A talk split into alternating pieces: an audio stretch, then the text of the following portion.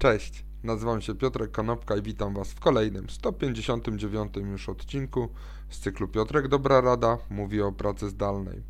Dzisiaj przybliżę Wam wywiad z Sidem Sid Brandim, jest to szef GitLaba i ten wywiad ukazał się ostatnio na stronach Forbesa i wywiad został przeprowadzony przez Alexa Konrada.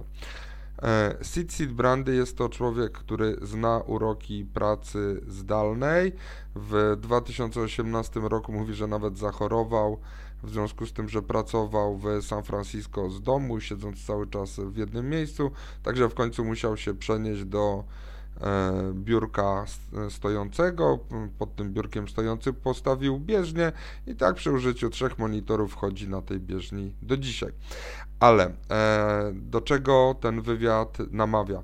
Wywiad namawia do tego, żeby w ogóle podejść do pracy zdalnej całościowo, czyli Sid, Sid Brandy mówi, e, że jeżeli chcecie wdrożyć pracę zdalną, to wdróżcie ją całkowicie w całej firmie, a nie róbcie tego w połowie. I cały wywiad jest właściwie o tym, dlaczego tak należy zrobić lub dlaczego nie należy mieć wdrożonej pracy zdalnej tak po łebkach albo w modelu mieszanym.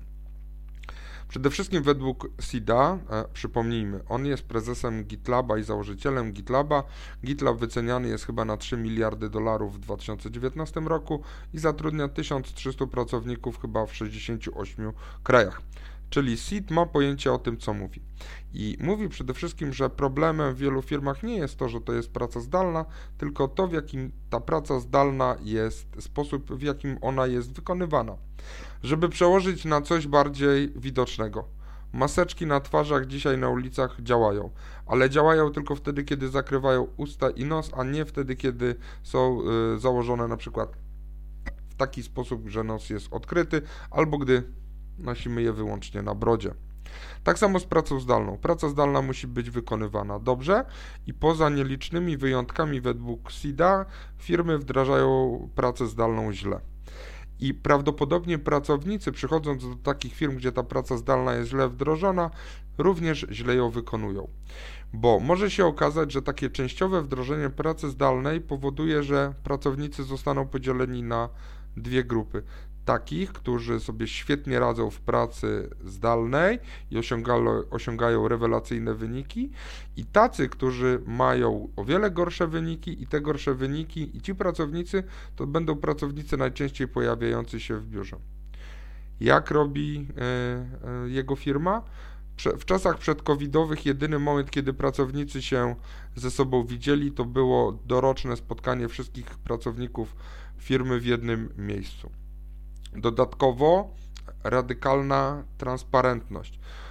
Publikują taki handbook i on jest dostępny online, opisujący w najdrobniejszych szczegółach podejście do właściwie każdego tematu.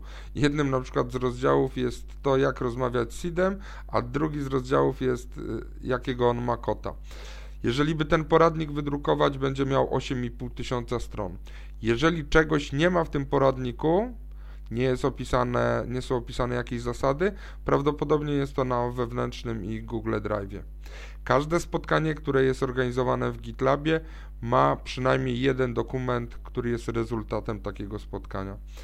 I jak mówi SID odnośnie e, całej tej sytuacji z pandemią, to jest ważne, żeby pamiętać, że praca zdalna jest pracą skądkolwiek, a nie tam skąd się musi to, co obserwujemy dzisiaj, to nie są czasy normalne, ponieważ dzisiaj nie możemy pracować tam, skąd chcemy, ale, będziemy, ale pracujemy tam, skąd musimy, czyli pozostaniemy w naszych domach. Także jeżeli chcecie, przeczytajcie wywiad, link znajdziecie na dole pod e, filmem, przeczytajcie wywiad z Sidem. Dzięki serdeczne, do zobaczenia i usłyszenia jutro. Na razie.